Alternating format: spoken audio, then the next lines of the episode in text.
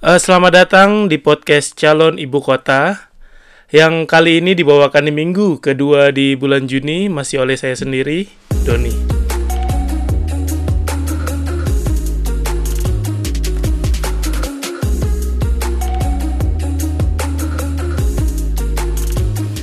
Uh, buat pendengar podcast Calon Ibu Kota mungkin uh, di beberapa episode ini akan akan terdengar sangat membosankan karena uh, saya merekam dan saya berdiskusi tentang apa-apa tentang saya dan kali ini juga akan berhubungan dengan te tentang saya pribadi, tidak berhubungan dengan Adit karena Adit uh, masih sibuk dia karena harus kerjakan asesmen dan lain sebagainya.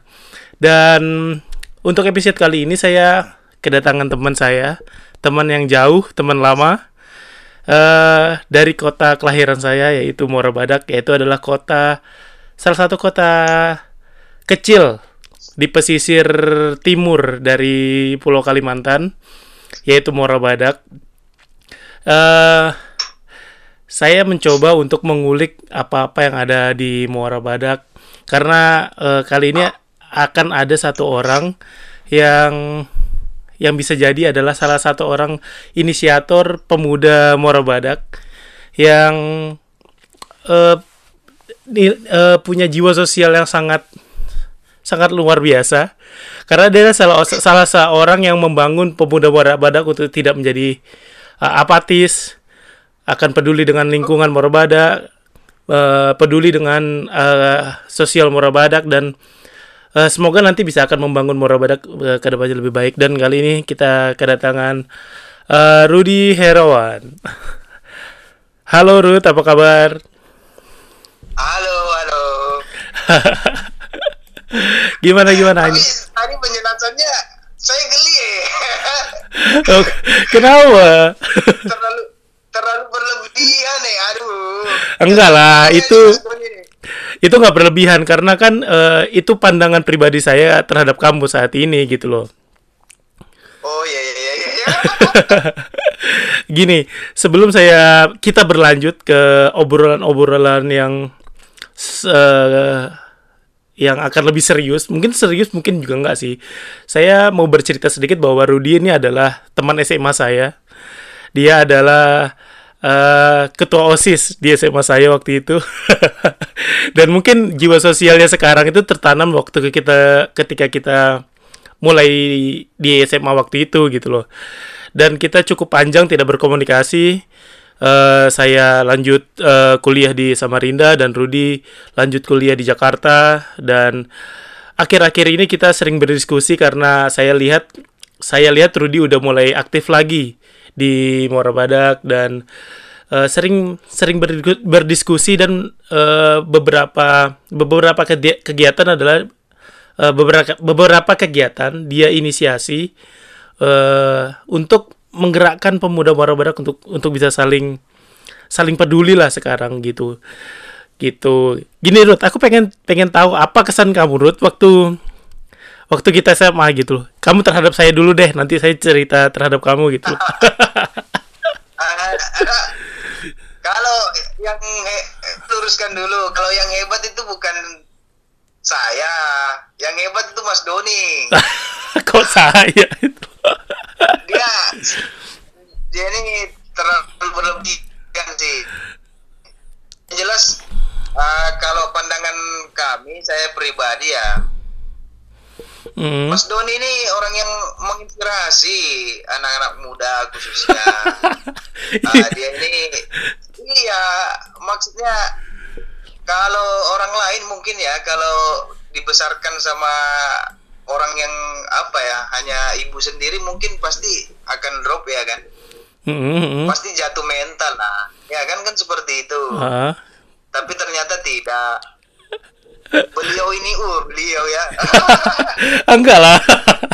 Beliau, beliau ini sampai saat ini kan kita tinggal di kampung dia sudah di luar negeri tuh ya kan enggak itu ya cuma perbedaan tempat aja karena ya uh, segala sesuatunya kan positif negatifnya gitu. Saya melihat melihat kamu uh, punya banyak sisi positifnya untuk untuk uh, apa ya untuk uh, pembangunan Murbada gitu loh.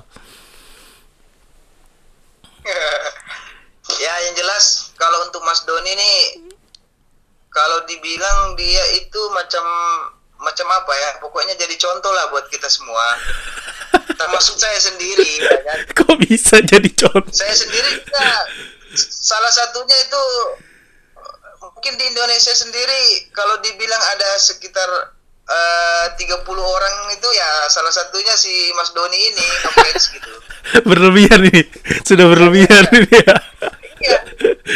Kalau saya bilang sejajarkan itu sama ada anggota dewan di provinsi ada uh, Barudin Demu, ada di di Kaltim saat ini ada di Mulyadi. Iya, iya. Kemudian ada di untuk Woi, macam-macam lah ya kan. Dan termasuk ini ada salah satu salah satunya si Doni ini kalau dibilang eh, uh, 20 atau 30 orang ya dia salah satunya itu aja. Ah, berlebihan itu.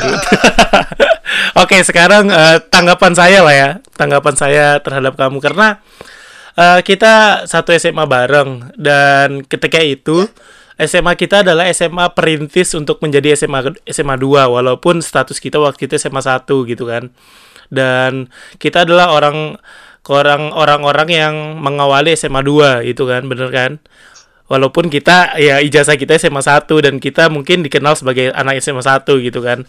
Dan uh, saya udah lihat jiwa kepemimpinan kamu itu ketika ketika punya inisiatif, punya inisiatif untuk membuat OSIS sendiri walaupun walaupun kita sebenarnya punya induk osis gitu loh jadi kita merasa bahwa uh, karena kita memang berbeda tempat kita merasa bahwa ah kita seharusnya punya punya wadah sendiri lah karena kan kita udah berbeda dan dan osis osis induk pun nggak punya nggak punya akses untuk mengawasi apa kegiatan-kegiatan siswa di SMA filial waktu itu gitu loh. Saya saya jadi melihat jiwa sosial kamu yang ada sekarang itu udah nggak udah nggak heran itu menurutku karena itu sudah tertanam sama kamu udah dari sejak SMA gitu loh. Jadi ketika saat ini kamu terjun di masyarakat dan me memberi pengaruh kepada pemuda untuk melakukan kegiatan untuk uh, tidak menjadi apatis itu menjadi hal yang nggak heran dan dan ya ya itu udah udah udah kamu tanam sejak waktu waktu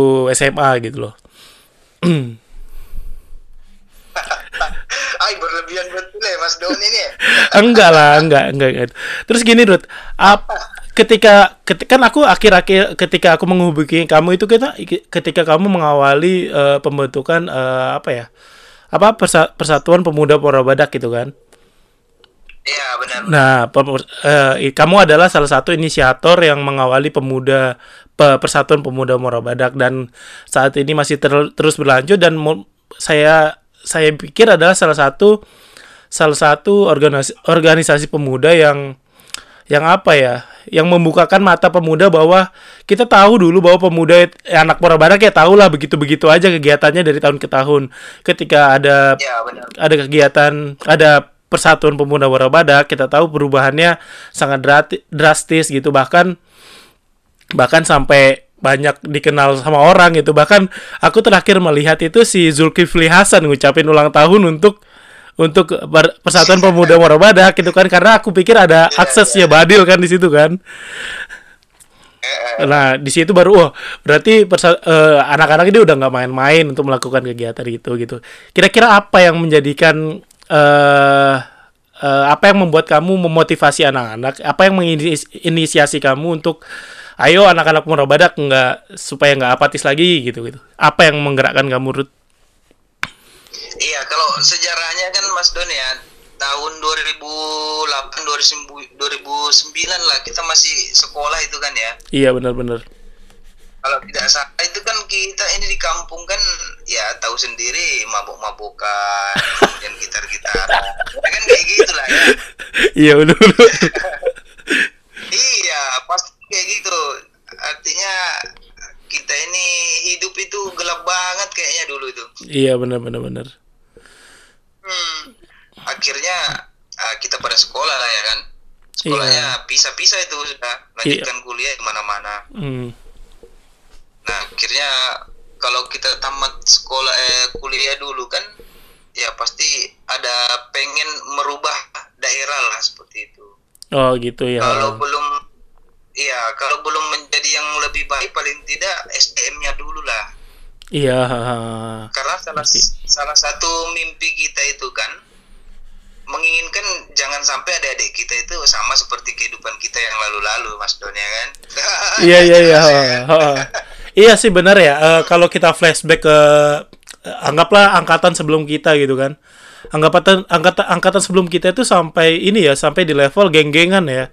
Sampai kalau ketemu Iya, di di mana pasti pasti ada kabar aja orang kena tikam atau orang kelahi gitu-gitu aja kan. Dan perubahan itu sangat drastis sampai aku he- sampai yang dulu ada gap itu sampai semuanya bersatu dan dan kompak melakukan kegiatan itu itu itu apa ya udah perubahan yang sangat drastis mungkin mungkin didasari sama apa ya kesadaran sama beberapa orang yang sudah sudah punya dibekali ilmu lah. Ilmu berorganisasi ilmu ilmu kes- kesadaran Ya. sosial kayak gitu. Iya, lebih tepatnya sih Muara Badak saat ini kalau dibedakan, kalau dibandingkan sama zaman kita dulu kan eh, lebih kental itu rasnya ya, iya rasisnya maksudnya membeda-bedakan. Eh, ada orang Bugis, ada orang Mandar, Jawa, Kutai dan sebagainya. Tapi kalau saat ini sudah bahkan mungkin tidak ada sih pembahasan tentang masalah suku. Iya semua bersatu ya. Dengan kita dulu, iya. Mm, dulu kumpulannya beda sukunya beda ya kan? Kumpulannya beda kalau sudah ketemu udah pasti ada aja gitu kan? Iya. Dan juga waktu itu juga itu Mm-mm. iya alhamdulillah sekarang itu sudah berubah. Sudah tidak ada pembahasan kamu orang Bugis kamu orang Jawa sudah tidak ada sih. Iya sih ya iya. Dan tidak ada juga pembahasan kamu orang Badak satu kamu orang Toko lima kamu orang Saliki tidak ada semuanya itu kita ini eh, orang Muara Badak kita ini orang eh, Kutai Kartanegara ya kita ini orang Indonesia lah Iya iya benar benar benar. Eh, ya itu sih yang aku menjadi eh, lagi-lagi menjadi yang kayak wah sudah sejauh ini perubahannya perubahannya gitu loh.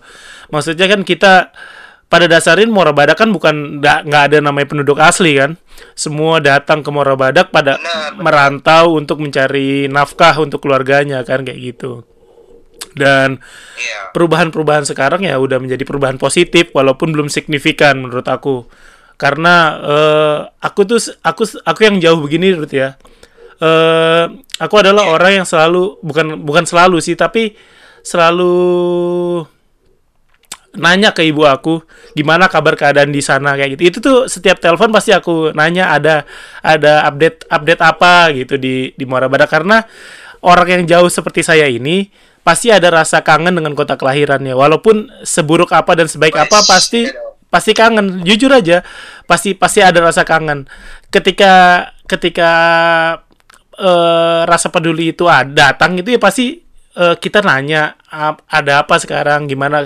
Dan ibu saya tahu sendiri kan ibu saya kan termasuk orang yang cukup aktif di kegiatan soli- sos- eh, sosial entah itu dalam eh, dalam pengajian dalam eh, kegiatan desa Iya, dan betul. termasuk yang cukup aktif. Jadi updatean ter terkini itu pasti selalu saya dapatkan. Dan dan kegiatan pemuda ini adalah termasuk yang ibu saya ceritakan bahwa sekarang tuh pemuda udah mulai aktif kayak gini kayak gini kayak gini dan dan mau bergabung kayak gitu gitu itu itu senang rasanya gitu bahwa ada perubahan. Walaupun eh, jujur aja kalau saya di imajinasi imajinasi imajinasi saya itu saya punya mimpi yang besar untuk Badak walaupun nggak seberapa tapi apa ya kalau saya ngelihat itu kita itu punya potensi yang potensi yang yang luar biasa dibanding daerah yang lainnya. Katakanlah Marangkayu aku tidak eh, nggak apa ya nggak skeptis sama orang Marangkayu. Tapi Muara Badak itu punya punya eh, pola pikir yang cukup maju dibanding daerah-daerah lain di kota Kartanegara jujur aja gitu loh. Karena tapi ket- ketika di upgrade sedikit di sekarang kita ini sudah upgrade jauh dibanding sebelumnya kan. Tapi ketika nanti eh, di upgrade sedikit pasti eh, ekonomi Muara Badak tumbuh dan orang-orangnya juga akan akan apa ya akan kalau bahasa sekarang open minded lah kayak gitu. Iya. Pokoknya Muara Badak saat ini sih sudah berubah lah. Ya ya. terus aku ini pengen pengen pengen tahu apa sih waktu ketika kamu menginisiasi itu mimpi kamu mimpi besar kamu jangan mimpi jangan mimpi, mimpi kan jangan kecil-kecil ya mimpi itu sekalian yang besar apa gitu mimpi besar kamu untuk Morabadak itu apa sih Ruth? ya pertama itu eh kita kan apa ya kaya akan sumber daya ya Mm-mm. baik migasnya baik batu bara baik eh, ada juga pun eh, perkebunan sawit Mhm. paling tidak semua anak-anak Muara Bada itu harus diberikan peluang untuk bekerja di perusahaan yang ada di daerah Iya. seperti itu Mas Don ya. Mhm. Kemudian yang kedua dan juga anak-anak Muara Bada ini tidak boleh kaku. Itu semua akan habis kan Mas Don ya? iya betul betul betul ha. Iya, betul. Makanya eh, sekarang tuh kita harus merubah paradigma anak-anak muda bahwa kita jangan tergantung sama perusahaan. Harus Betul. kita mencari dan mencoba mencari peluang-peluang lain. iya Nah, kalau teman-teman pemuda saat ini sudah berkebun jeruk, ada juga membuka usaha, usahanya itu pencucian, kolam ikan lele, iya iya eh, macam-macam lah buka kedai. Mhm. seperti itu. Beda lah kayak zaman dulu kita lah beda. Cuma taunya minum ya kan? Gitar-gitaran. Oke oke. Itu artinya salah satu mimpi itu ya pinginnya itu bukan cuma kita yang berhasil saja gitu loh mas dan ya. Iya benar-benar. Kita harus mengajak untuk sama-sama maju bersama itu Hmm. aja sih Iya, apa ya? em, gini, gini sih Ruth, menurutku ya. eh aku tuh sebenarnya belum belum paham ya dengan dengan cita-cita kita eh, sebagai orang Morabada gitu. Kita mau ke arah gimana? Kita tahu Faiko sudah Faiko yang yang puluhan tahun di di Morobadak tapi ya seperti itu gitu loh. Nggak nggak meru- nggak Ya. membuat pertumbuhan yang signifikan. Dan saat ini juga pindah ke Pertamina Hulu Hulu Mahakam yang saya pribadi juga nggak Iya. nggak nggak yakin 100% akan merubah keadaan Morabada secara signifikan. Apa ya gini eh sebenarnya aku sih pengen mengajak anak-anak Morabadak itu punya mimpi mimpi lain selain bekerja. Gitu. Eh pertumbuhan ekonomi itu akan signifikan eh pertumbu apa gimana yang ngomongnya ya? Yang paling enak itu gini eh eh, daerah kita daerah kita akan tumbuh menjadi besar ketika ekonomi itu berputar secara cepat gitu loh. Dan dan aku tuh bisa di bisa dibilang ada tanda kutip nggak suka lah dengan ada keadaan ka- adanya Faiko dan Pertamina Hulu Sanga-Sanga gitu loh. Ya, yang pertama adalah bisa bisa dibilang saya bilang nggak suka dengan keadaan mereka. Nggak sukanya saya kayak gini karena Faiko ini dan Pertamina ini meng, meng- meng-hire atau me- menerima banyak sekali karyawan, banyak sekali karyawan yang menghabiskan uang gaji mereka tidak di, daer- di daerah kita sendiri. Walaupun katakanlah walaupun tidak di Morabadak, eh, tidak di Morabadak, katakanlah di desa, daerah Samarinda, tapi kita tapi daerah Morabadak akan memberikan impact eh, perekonomian gitu. Tapi tidak ketika dia datang dari pulau luar untuk datang ke situ untuk kerja di situ dan mengambil uangnya lagi ke kembali ke daerahnya masing-masing kayak gitu. Ya Morabada akan akan menjadi begitu-begitu aja. Kita bisa lihat sangat-sangat puluhan tahun Pertamina di sana tapi nggak ak- nggak akan perubahan apa-apa kayak gitu. Sebab eh, yang aku yang aku contoh yang aku lihat contoh yang paling paling besar itu coba kita lihat bisa Bontang dengan adanya PKT dan kita bisa lihat eh, apa namanya eh, sangat sangata dengan adanya PKT eh, dengan adanya K- KPC kan kayak gitu kan harusnya eh, Morabada ya harusnya seperti itu kalau saat ini mengharapkan mengharapkan adanya perusahaan dan perekonomian tumbuh harusnya aturannya seperti itu. Kamu kerja di situ perekonomian yang yang akan tumbuh ya harus di situ kayak gitu kalau menye- mem- untuk membangun Muara Badak. Tapi yang ada adalah ya kita lihat sendiri sampai sekarang dan aku nggak nggak akan yakin walaupun sekarang dipegang dipegang negara negara sendiri yaitu Pe- Pertamina Hulu sangat sangat sorry aja aku agak agak skeptis agak agak apa ya agak agak nggak terlalu suka kayak gitu dengan keadaan keberadaan mereka ya walaupun hampir 80% atau 90% warga kita bekerja di perusahaan tersebut kayak gitu Iya. Apa pandangannya Mas Doni itu semuanya kita sama. kita juga tidak suka. kita kan menginginkan artinya buat putaran ekonomi itu ada di Muara Badak ya. Iya. maksudnya. Cuma ya ya kembali lagi artinya pemangku keputusan itu kan bukan di warga sendiri. Ah, Ada gitu. pemerintah kita. nah itu sebenarnya aku Nah, ada sebenarnya aku tuh ada ini sih Ruth kalau kalau kita mengharapkan mengharapkan perusahaan itu adalah kita mengharapkan eh, apa namanya eh, masa depan kita di tangan orang lain kan bisa dibilang kayak gitu kan benar. nah eh, sekarang ini kita udah berada di posisi kita udah sama-sama di pandangan yang sama. Pemuda warabara udah kompak. Gimana caranya kita masa depan kita kita kita genggam sendiri? Pertama menurutku adalah kita kita harus punya cita-cita Morabadak mau dijadikan apa kayak gitu kan. Katakanlah kata katakanlah Morabadak mau dijadikan tempat tujuan wisata gitu kan. Katakanlah kayak gitu. Dan apa sih yang harus dibangun ketika kita menjadi mau mau menjadi tujuan wisata? Yang dibangun ya tempat wisatanya kayak gitu loh. Yang dibangun ya tem- Iya. tem- tempat wisatanya kayak gitu. Dan dan langkah-langkah yang ada sekarang eh menurutku sudah baik. Cuma aku tuh pengen anak-anak yang ada di Morabada itu lebih radikal. Lebih dari, dari- radikal dalam arti positif ya. Yang yang ayo gas gas kencang-kencangnya kayak gitu tuh gini aku mau mau pengen cerita sedikit keadaan di sini jadi di- orang di Australia itu Ruth orang itu bisa dibilang bilang kaya kaya banget kalau udah punya kapal Ruth. Wush, ngeri ya. iya kalau punya mobil sport aja belum kaya gitu. Kalau sudah punya yacht itu ya udah dibilang kaya. Dan karena Sydney ini daerah pesisir, apa bedanya dengan Morabada kan gitu kan.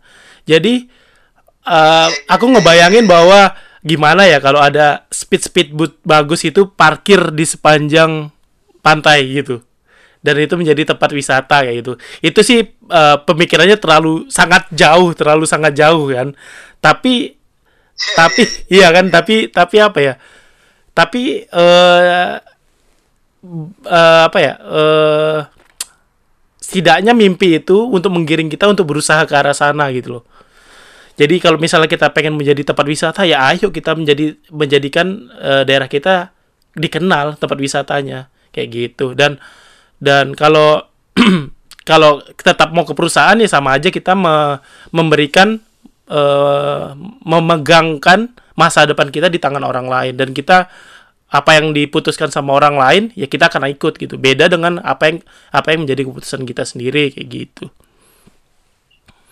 Iya, iya, iya, iya, iya. iya.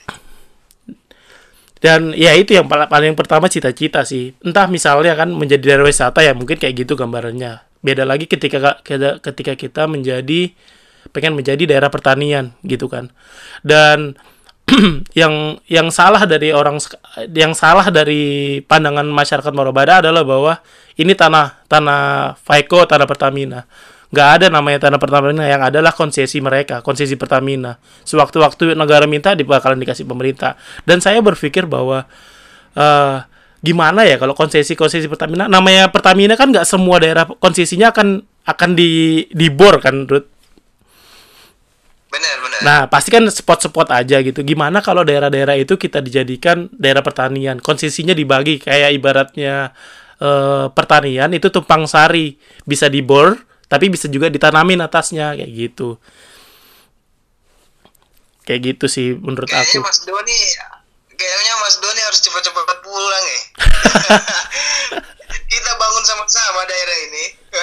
Iya, aku ngelihat eh aku ngelihat sih kalau kompak kompak kompaknya Mora Badak anak-anaknya sudah oke kalau ayo kita ke sana ke sana semua gitu. Tapi tinggal siapa nih yang mau menjadi inisiator siapa yang mau pegang kendali siapa yang mau mau apa ya mau mau menjadi konseptor gimana Mora Badak ini akan dibangun. Aku tuh sampai kayak gini Ruth mikir ya sampai kadang-kadang aku mikir kita waktu kita kecil orang kaya di Mora Badak itu sama sekarang itu orang kayanya sama Ruth. Nggak ada orang kaya orang kaya Sama, baru. sama. ya kan?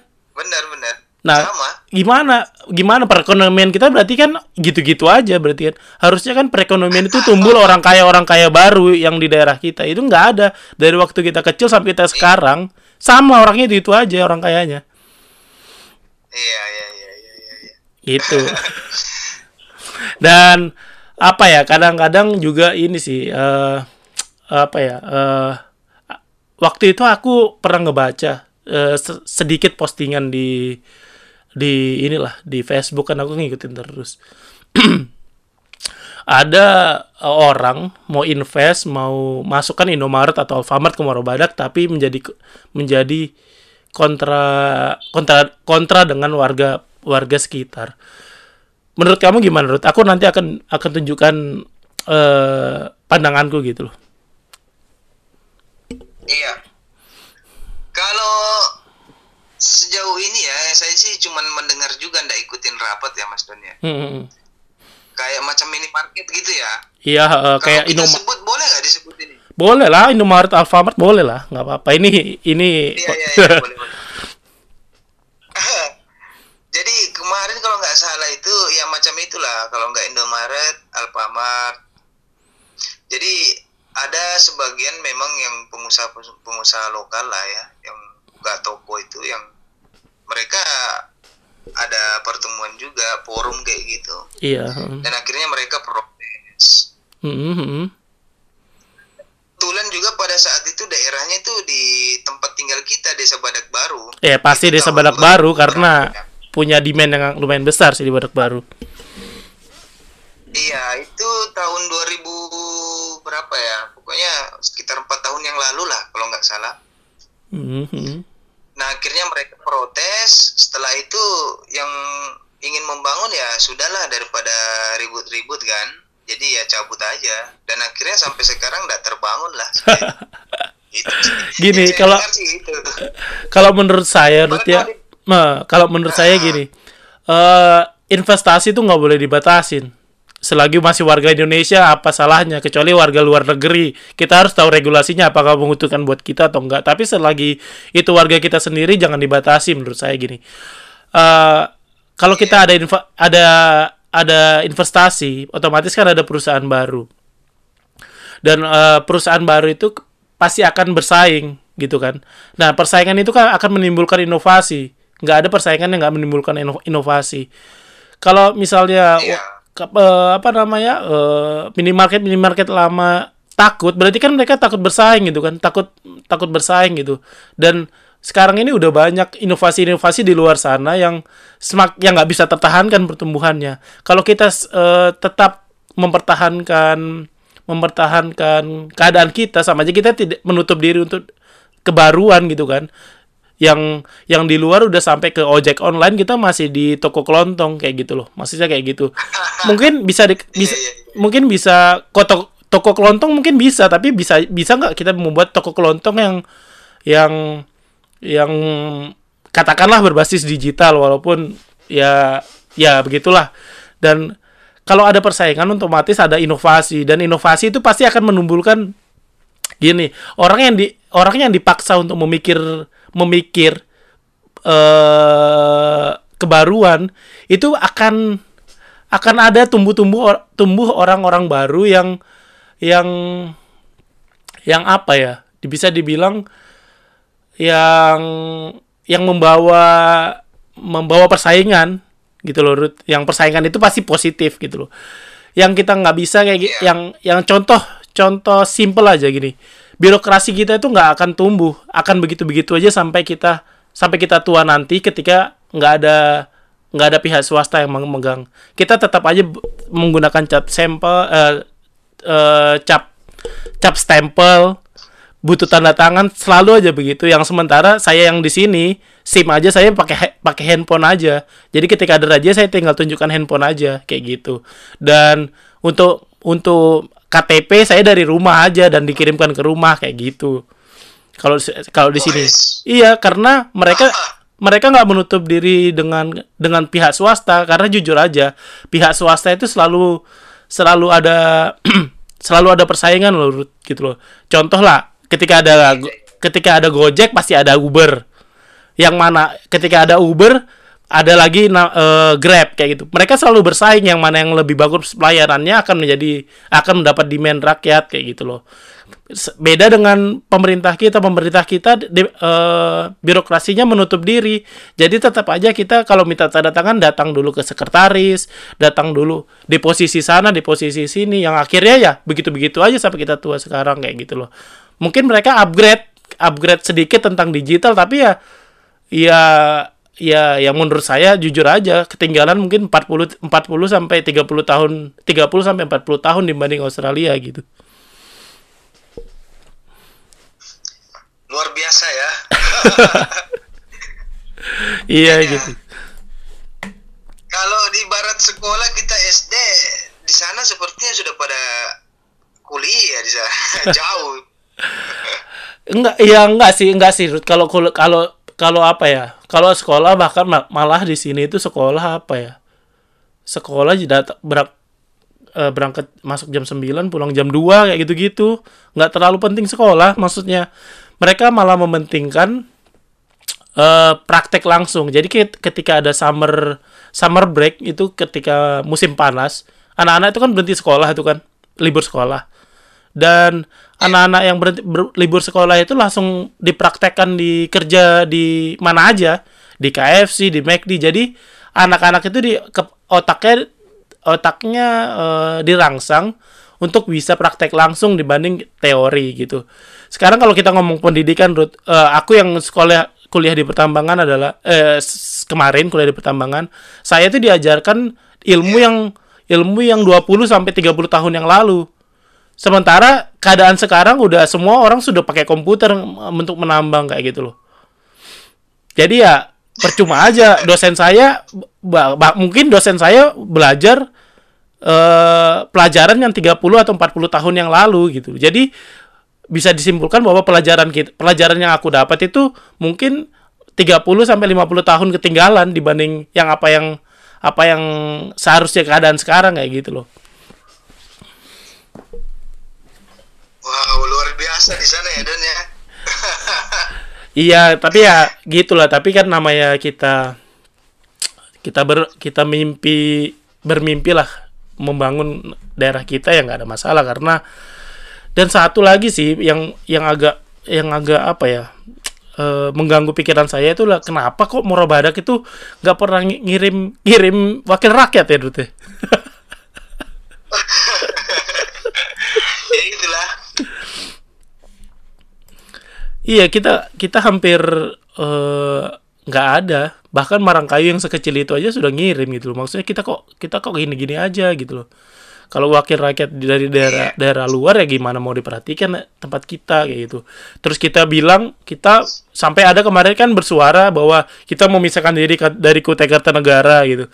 Kalau kamu kita mau memisahkan diri kita bangun dulu ekonominya. Kita ya bisa dibilang kayak Kutai Timur lah Kutai Timur ketika e, bergabung sama Kutai Kartanegara kan dia membangun ekonominya dulu kan. Baru ketika ilmu, e, ekonominya udah mandiri baru dia teriak, "Eh aku pengen pengen punya kabupaten sendiri nih kayak gitu." Jadi jadilah Kutai Timur gitu.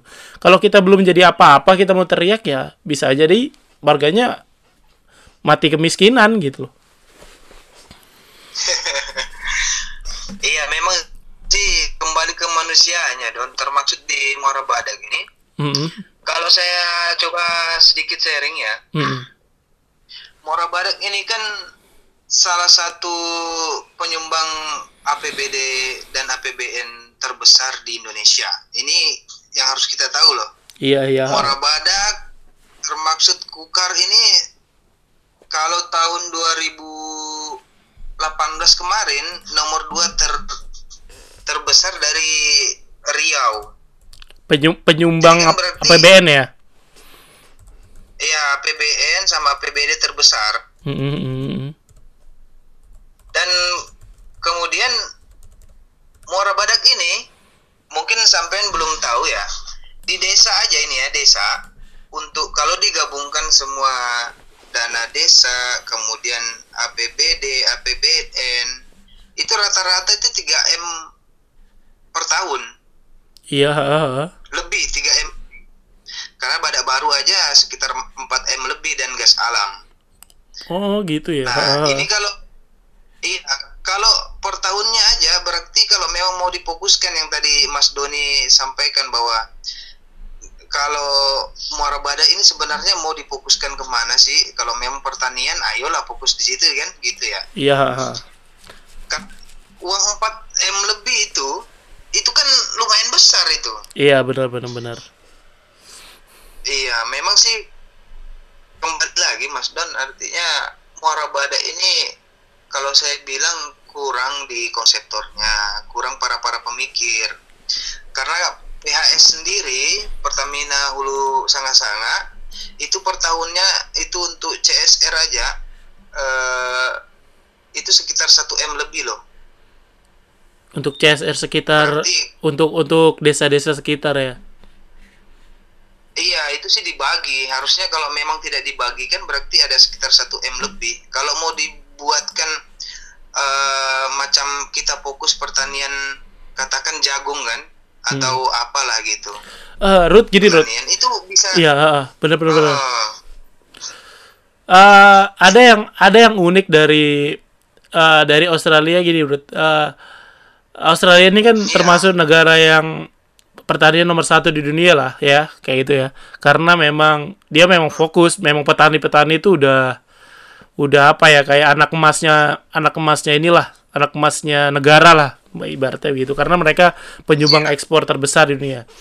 Karena eh sorry penyumbang ekspor penyumbang APBD dari ekspor ke eh, nomor satu di Australia gitu.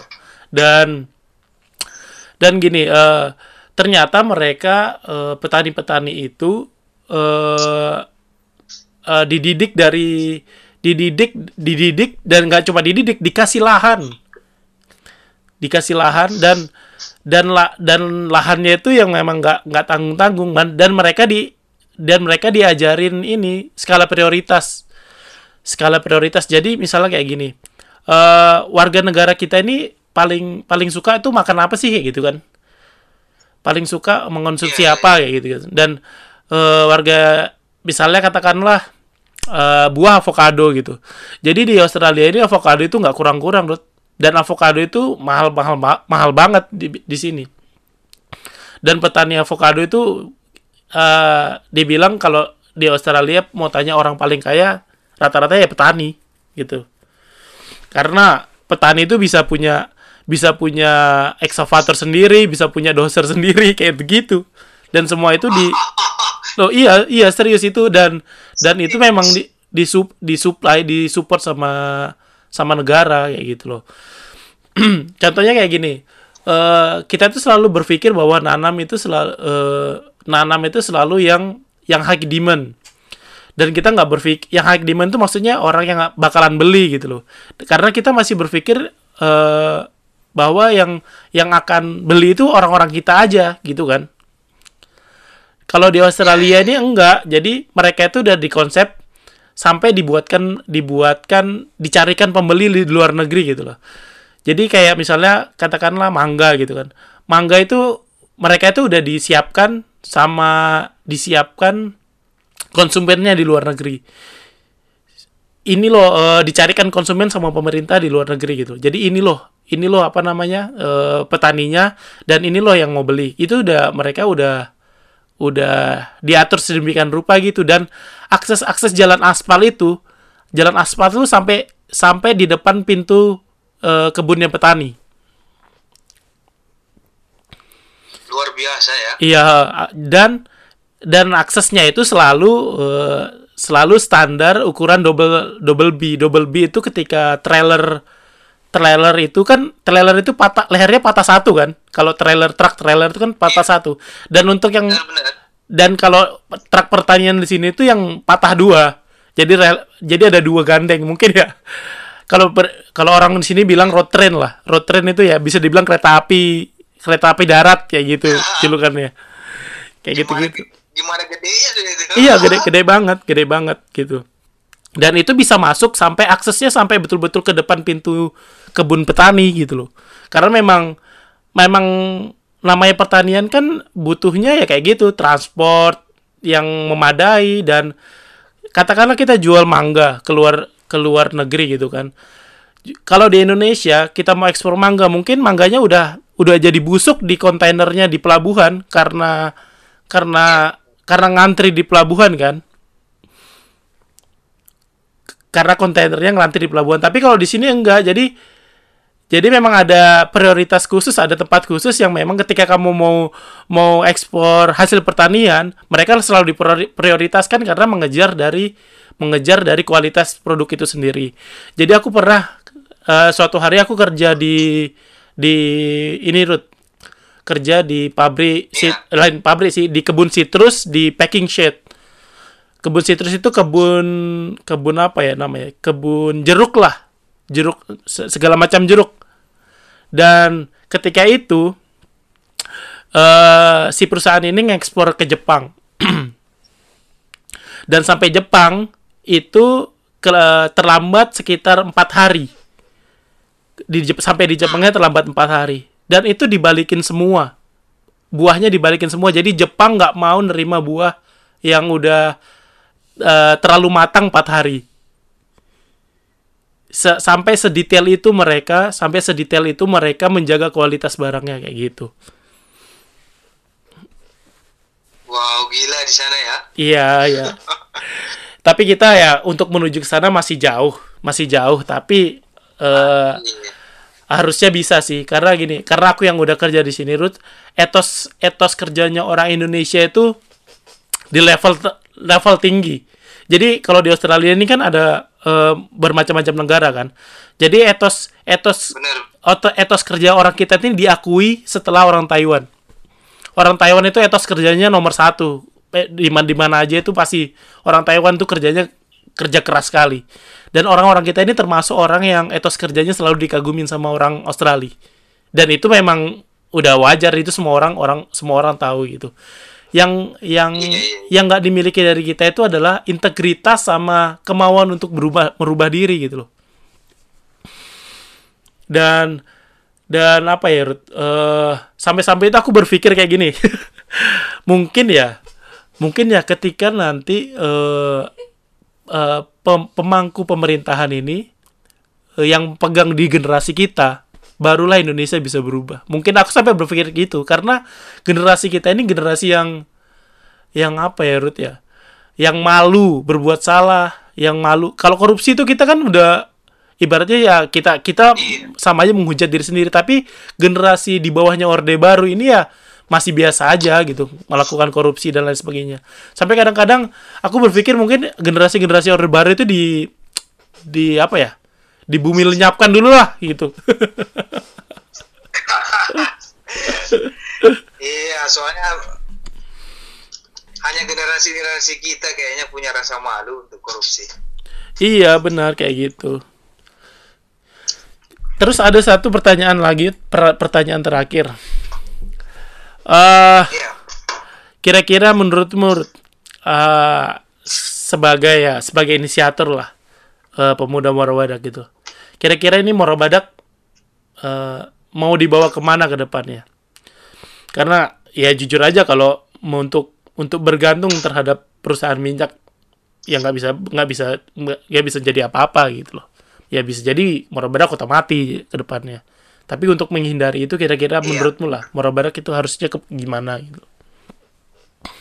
Iya, kalau kalau saya juga sih ingin berpesan ya pada semua semua manusia yang ada di Morabadak ya khususnya itu kita itu harus mencari peluang-peluang peluang lain karena mau nggak mau suka nggak suka ini migas pasti akan habis Mm-hmm. Batu bara pun juga akan habis. Nah, cobalah cari peluang-peluang itu karena pertanian untuk tanah aja di Kukar sendiri atau di Muara Bada ini masih luas kok, masih banyak. Oh, sangat luas Ruth sampai ya itu aku pikirkan pikirkan tadi mungkin bisa dibilang itu adalah konsesi Pertamina. Emang kalau konsesi Pertamina nggak bisa kita tanami? Kan bisa kan? Gitu. Bisa sebenarnya. Bisa. Nah itu maksudku kayak gitu. Mungkin bisa kerjasama lah atau minta pembinaan dari Pertamina mungkin bisa aja kayak gitu.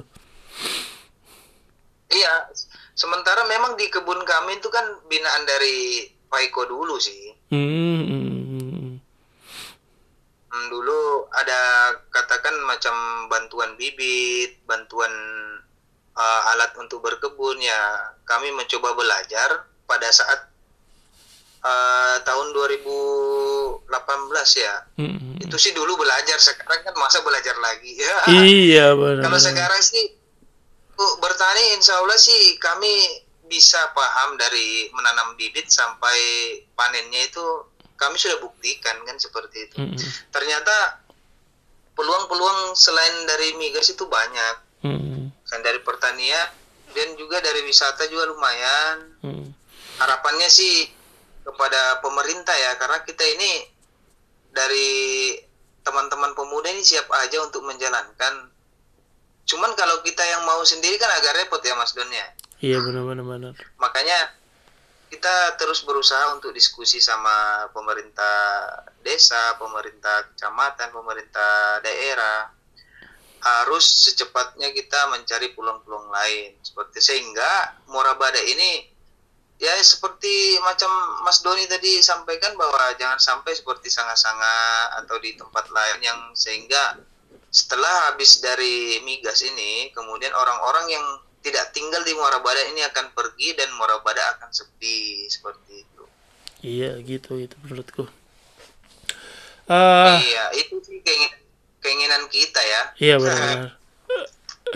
iya sih eh, tapi ya menurut aku ya kayak gitu. Memang sih saat ini ya tahu sendiri Muara Badak masih banyak orang yang insecure insecure sama dirinya sendiri, nggak mau menerima perubahan, nggak mau ada orang mau investasi di Muara Badak masih sepi gitu-gitu. Alfamart Indomaret itu adalah standar standar standar paling bawah lah. Ketika mereka udah udah punya keyakinan untuk masuk ke daerahmu itu berarti bahwa oh perekonomian udah kita mulai tumbuh. Tapi ketika itu dihalang-halangi ya udahlah. ah jangan berharap terlalu tinggi. Mungkin di angan-angan dan kita nggak akan pernah nggak akan melihat orang kaya-kaya baru di Muara Badak. Orang orang-orang kaya itu itu aja terus kayak gitu. Iya, iya, iya. Ya. Makanya itu Mas Don lebih tepatnya saat ini langkah itu bukan kita langsung merubah ya. Saat ini kita harus beri kesadaran pada manusianya. Lebih ke arah kita mencoba merubah sumber daya manusianya dulu dari yang muda-muda ini sehingga uh, memberikan pesan pada ke, uh, ke orang-orang tua kita termaksud ke pemerintahan seperti itu Mas ya. Iya benar-benar benar. Ya itulah Iya. keadaan kita sekarang.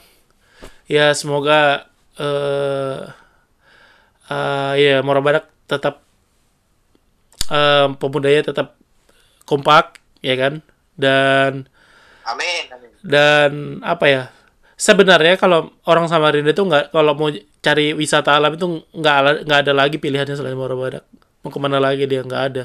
Cuma seharusnya kita pintar-pintar mengelola daerah kita supaya menjadi eh, referensi liburan mereka lah untuk di di hari weekend di hari Sabtu atau Minggu untuk bisa ke sana.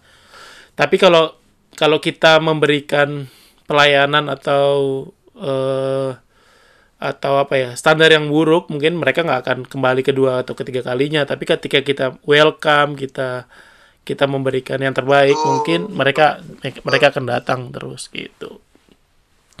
Hmm, betul betul betul.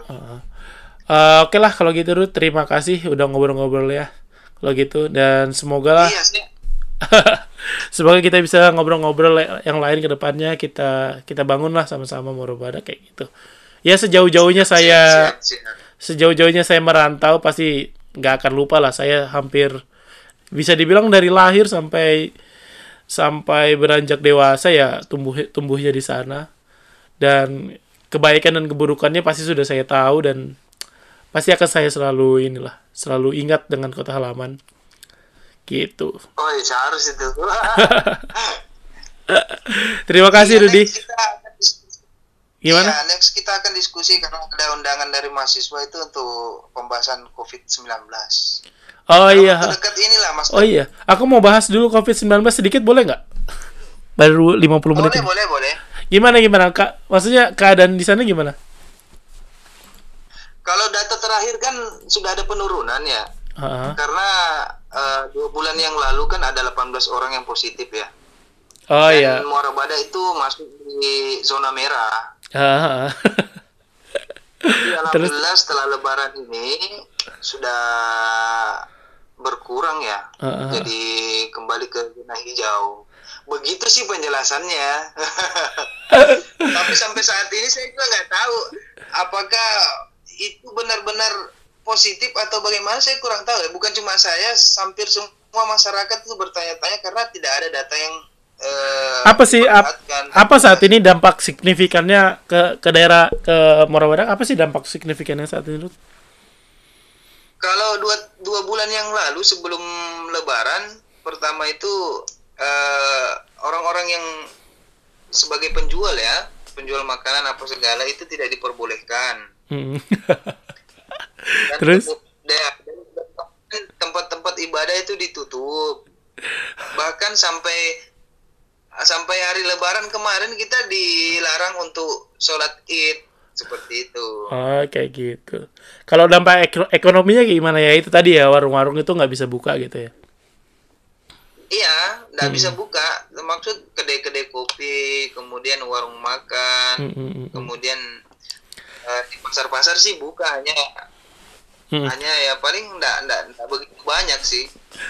Eh, saya aku mau cerita sedikit ini tentang keadaan di sini Ruth. Karena kan waktu itu saya pernah janji ya pengen bikin tulisan karena ya nggak sempat sempat ya. Senang dengan ini. Jadi aku pengen cerita sedikit. Waktu itu kan saya eh awal dari COVID ini kan di bulan Februari kan. Eh di bulan Februari, ah, Januari akhir lah sudah. Dan ketika itu saya di Jepang kalau nggak salah. Ketika itu saya di Jepang dan waktu pulang ke sini kan udah udah udah ribut lah. Dan aku udah balik ke ke Australia lagi. Nah waktu ba- baru Australia aku kerja sekitar dua minggu tahu-tahu semua berhenti gitu kan. Ternyata ternyata begini sih eh Australia itu apa ya semua kebijakan yang diucapkan sama perdana menterinya itu langsung Ruth langsung terasa sampai kita. Iya. langsung terasa. Dan mereka tuh punya cara-cara yang cara-cara itu yang di luar di luar negara kita pikirkan tebak eh tebak eh, semua negara kan pasti memberikan mem- memberikan bantuan terhadap rakyatnya kan semua negara lah Betul betul. tapi tebak loh gimana Australia memberikan bantuan ke, ke rakyatnya, termasuk ke saya juga, saya kena dampaknya. Gimana caranya? Tebak. Pemberian sembako ya. Enggak lah. Jadi paling paling jadi itu di luar nalar. Mereka tuh mencairkan dana pensiun sekian sekian persen dari total dana pensiun. Kepikiran nggak kalau kamu itu eh, sekarang ini punya BPJS Ruth? Iya iya iya, saya nggak kepikiran nih. Nah, ya kan? Nah, BPJS itu kamu tuh punya duit tabungan. Hmm. Dan tabungan Iya, itu kan iya, iya, kamu kamu yang kamu tuh nggak tahu nilainya dan uang itu yang dicairkan ke rakyat Australia. Gila. Gila. iya, bayangkan itu Bisa soal jadi i bayangkan itu PHS nyairkan BPJS-nya masyarakatnya nggak usah seluruhnya, 50 persennya aja. Iya betul ya. Dapat Benar benar. satu orang bisa dapat 10 juta. Bayangkan itu sangat membantu sekali.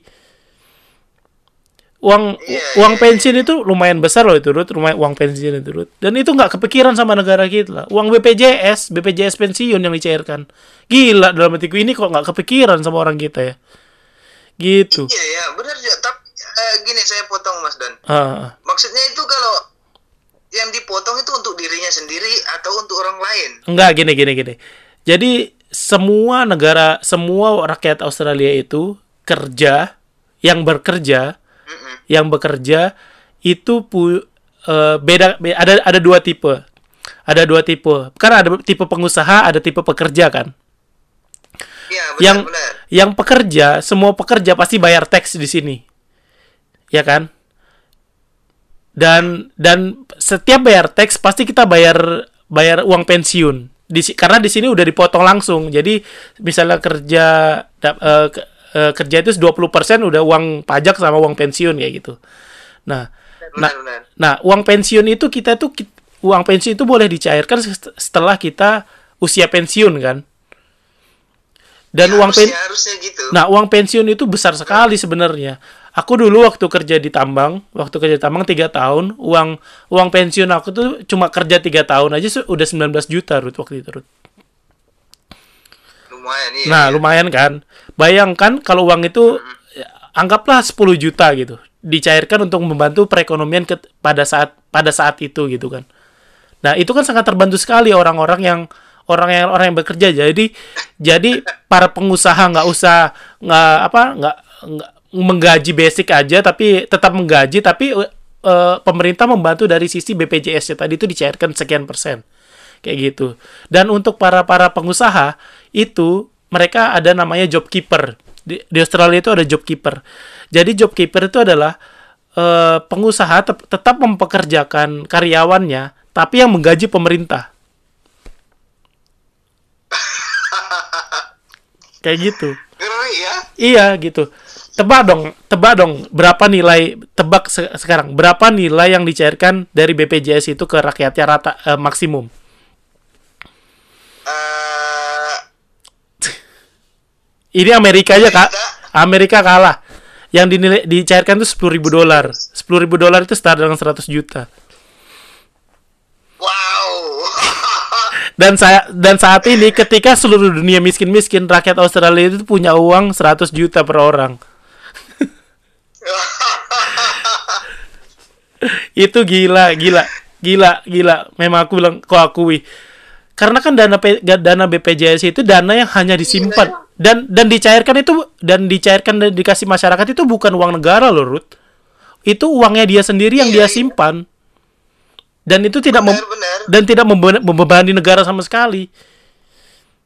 iya maksudnya tidak harus menunggu dia pensiun Benar. Jadi kan kan seperti itu kan peraturannya pensiun itu katakanlah 60 tahun. Karena kita lagi lagi resesi, ya udah kamu boleh aku cairin tapi sekian sekian persen dari nilai nilaimu lah ya, nilai uang pensiunmu lah kayak gitu. Jadi udah pada sekarang orang-orang Australia ini pada narikin duitnya semua. Narikin duit pensiunnya mereka dan pada punya uang semua sekarang. Kayak gitu. gila memang di sana ya Iya. Itu Amerika Amerika itu ngasih 2005 ngasih itu sekitar 2000 apa ya berapa? 1000 1000 dolar kalau nggak salah. 1000 dolar. 1000 dolar 10 juta. 10 juta. Australia ngasih 100 juta. gila, gila bilang memang ke Australia ini. Itu. Tapi mereka ya mereka ya apa ya? eh mereka yang mereka lakukan itu karena memang rakyatnya rakyat rakyatnya ya taat taat taat pajak taat apa segala kayak gitu gitu Ruth. dan itu aku Iya. sampai sekarang itu kenapa kok Indonesia ini nggak mikirin dana BPJS ya gitu dana BPJS itu dana yang cuma diendapkan disimpan gitu doang itu benar loh Heeh. jadi BPJS lumayan loh kalau mau di diterapkan seperti itu tadi. Iya itu Iya. nggak kepikiran kan di negara kita kan? Itu BPJS iya nggak- benar gak kepikiran. Katakanlah kamu pengusaha. Katakanlah kamu pengusaha Ruth. Ketika lagi ketika lagi eh, kayak gini resesi kamu hampir 10 karyawanmu kamu rumahkan. Kamu gaji dia 50% Iya. Nggak apa-apa kamu gaji 50% tapi da- dana BPJS nya cair dia bisa hidup sampai 6-7 bulan ke depan. Iya ya. Gitu. Itu sampai ya aku itu pengen ngomong itu sih sebenarnya tapi ya nggak tahu lah. Emang emang gila di sana ya. Seru juga itu. Iya, itu yang ya mungkin kita butuh butuh butuh berapa puluh tahun lagi lah untuk seperti sekarang kayak gitu. iya tapi keadaan di Australia gimana sekarang Kalau keadaan gini, covid ketika waktu terjadi ketika waktu terjadi eh, besar-besarnya itu kan Australia itu langsung menutup semuanya, menutup flight ke Indo- flight dari luar negeri ditutup. Terus antar state atau antar provinsi ditutup, nggak boleh ada nggak boleh ada ini apa namanya pergerakan lah antar provinsi itu nggak nggak boleh ada pergerakan kayak gitu. Dan ketika itu eh, ekonomi memang beku, tapi dibantu dengan itu. Tapi untuk untuk ada namanya namanya dia untuk essential company. Essential company itu yang menyangkut obat-obatan, farmasi, eh yang me- menyangkut dengan sembako itu nggak boleh tutup itu tetap harus harus jalan dan harus didukung kayak gitu dan sampai-sampai kan student di sini kan eh, maksimum kerjanya kan hanya hanya hanya berapa jam ya? Hanya 4, 40 jam per dua minggu kan. Ketika ada resesi mereka kebutuhan eh, di bidang retail itu sembako apa butuh karyawan yang lebih banyak lagi. Karena karena ini karena karena krisis itu. Jadi para para student itu boleh Iya. kerja boleh kerja maksimum dan sampai saat ini belum dicabut aturan itu boleh kerja maksimum gitu. Dan semua dibekukan dan paling ketika itu mereka nggak memberlakukan lockdown tapi mereka eh, social distancing gitu. Dia nggak melakukan lockdown tapi tetap aktivitas tetap ada tapi social distancing. Dan social distancing itu benar-benar strict nggak boleh dilanggar. Seperti kalau ke kalau keluar nggak boleh ada orang berkumpul lebih dari lima orang di dalam satu tempat terus di dalam di dalam kafe atau restoran itu harus di persekian eh, meter persegi itu maksimum boleh ada di dalam itu berapa orang. Katakanlah eh, restoran itu 20 meter persegi berarti di dalam itu boleh maksimum empat orang yang ngantri sisanya harus nunggu di luar. Dan itu nggak boleh saling berdekatan. Dan itu mereka iya mereka itu mem- apa ya dan aturan-aturan itu dikontrol ketat dengan bantuan polisi jadi ketika itu polisi itu di mana-mana Ruth hmm. polisi itu di mana-mana dan polisi itu punya wewenang untuk memberi denda kepada yang melanggar gitu dan di negara kita kan memang sulit kan mau didenda uang aja nggak punya gitu kan jadi ya ya sulit Benar. gitu tapi ya sebenarnya polisi harusnya ketika itu mau social distancing itu polisi itu besar-besaran dikeluarkan ke jalan. Bukan berarti untuk menghukum ya tapi betul-betul mengontrol. Ketika ada yang benar-benar melanggar ditegur. Ketika nggak bisa dikasih tahu didenda kayak gitu. Tapi kalau di Indonesia mungkin punya cara lain tapi bisa bisa melakukan yang sama dengan me- me- menurunkan polisi besar-besaran ke jalan kayak gitu kan. Ke jalan bukan berarti menakut-nakuti gitu loh ya tapi ya untuk mengontrol itu tadi gitu. Dan waktu itu eh, semua pada di jalan eh sorry sorry polisi pada di jalan dan semua tetap aktivitas normal Nut. Ak- aktivitas normal eh dan apa namanya tren-tren dan semua transportasi normal semua. Cuma itu tadi masih disarankan work for home ketika kamu ada keperluan ya nggak apa-apa. Kamu keluar aja nggak apa-apa. Nggak ada yang larang gitu. Bakalan ditanya keperluanmu apa kayak gitu. Sama polisi bakalan ditanya kayak gitu. Tapi ketika itu memang benar-benar kita kita perlu ya udah polisi nggak akan larang. Tapi kalau kita niatnya cuma pengen jalan-jalan itu bakalan bakalan ditegur kayak gitu sama polisi. Sampai akhirnya eh, sekitar sebulan yang lalu. Jadi Australia ini termasuk negara yang lebih dulu survive, yang lebih dulu melonggarkan kegiatan masyarakatnya. Karena memang memang apa ya cepet banget gitu, cepet banget pulihnya cepet banget dibanding negara-negara lain gitu. Karena itu tadi yang restriksinya bener-bener bener-bener eh, ketat. Dan eh, ketika puncak-puncaknya itu Ruth, eh, Australia itu membangun eh, klinik temporary itu banyak banget. Klinik temporary temporary itu banyak banget bukan berarti untuk merawat ya.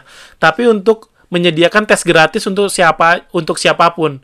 Dan ada dua perbedaan masyarakat kita sama masyarakat Australia gitu kan. Masyarakat kita itu kalau dicek malah takut. Gitu kan. Dan masa kalau masyarakat Australia itu marah merelakan dirinya untuk dicek gitu loh. Malah mereka mereka kan memang strict banget sama kesehatan kan. Jadi mereka itu pada berbondong-bondong bukan bukan berbondong-bondong sih ya. Pada pada ke poin-poin untuk pengecekan itu untuk ngecek ngecek eh, kesehatan mereka apakah mereka positif atau enggak kayak gitu. Dan itu mereka nggak ada takutnya karena mereka udah udah sadar bahwa kalau saya kalau saya biarin ya malah bisa kemungkinan, kemungkinan saya mati gitu kan. Jadi jadi mereka pilihan terbaiknya adalah ya udah saya harus cek. Tapi soal kesadaran kesehatan itu memang Australia lumayan lumayan baik lah kayak gitu dibanding dibanding negara kita ya.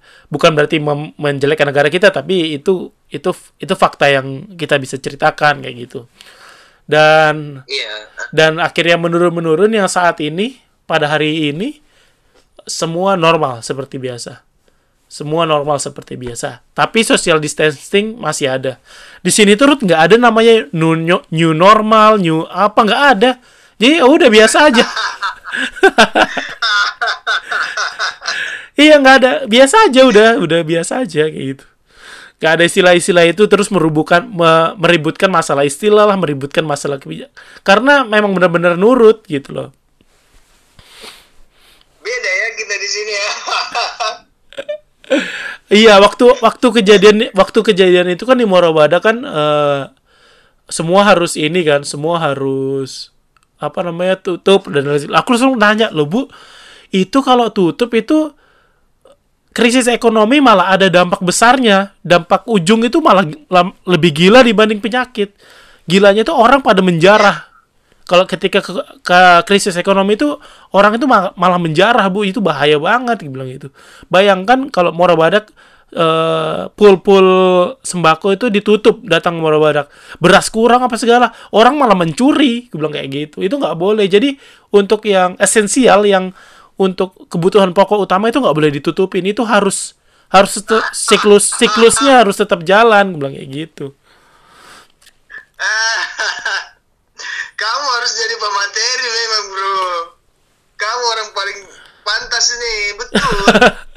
karena sampai karena sampai sekarang itu tidak ada orang yang pemikiran seperti itu. Itu it, Semuanya itu, iya. Gimana gimana? semua- semuanya itu beranggapan bahwa solusi yang paling tepat itu diam di rumah. Wah, iya. Itu. eh diam di rumah ketika waktu ya tepat bener bro gini Ruth waktu puncak-puncaknya dulu awalnya masuk virus mungkin diam di rumah itu ya pilihan yang tepat tapi ketika sudah masuk begini Iya. diam di rumah itu kamu mati kelaparan Iya iya iya iya iya iya. iya. gitu jadi menurut aku sih social distancing itu yang pilihan yang paling tepat sih social distancing itu yang paling paling paling tepat nggak ada nggak ada lagi lah nggak ada lagi lah yang lebih dari itu gitu loh jadi antara orang lain jaga jarak. Dan itu pun masih masih masih terbiasa sampai sekarang. Jadi kita tuh malah di sini memang memang meminimalkan meminimalkan kontak. Jadi katakanlah eh, restoran. Restoran yang biasanya sen- sendoknya ngambil sendiri bisa bisa kan ada satu tempat itu sendok gitu kan. Jadi harus ngambil sendiri.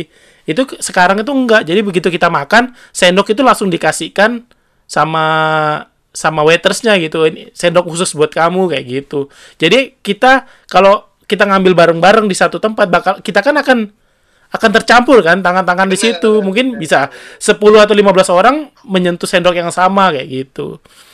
Sekarang itu lebih kayak gitu. Terus bayar itu bayar bayar apa-apa cardless. Eh sorry cashless. Jadi apa-apa itu pakai kartu pakai pakai kartu. Jadi mengurang mengurangi kontak tangan kayak gitu itu masih terjadi seperti sekarang walaupun keadaannya sudah semakin normal kayak gitu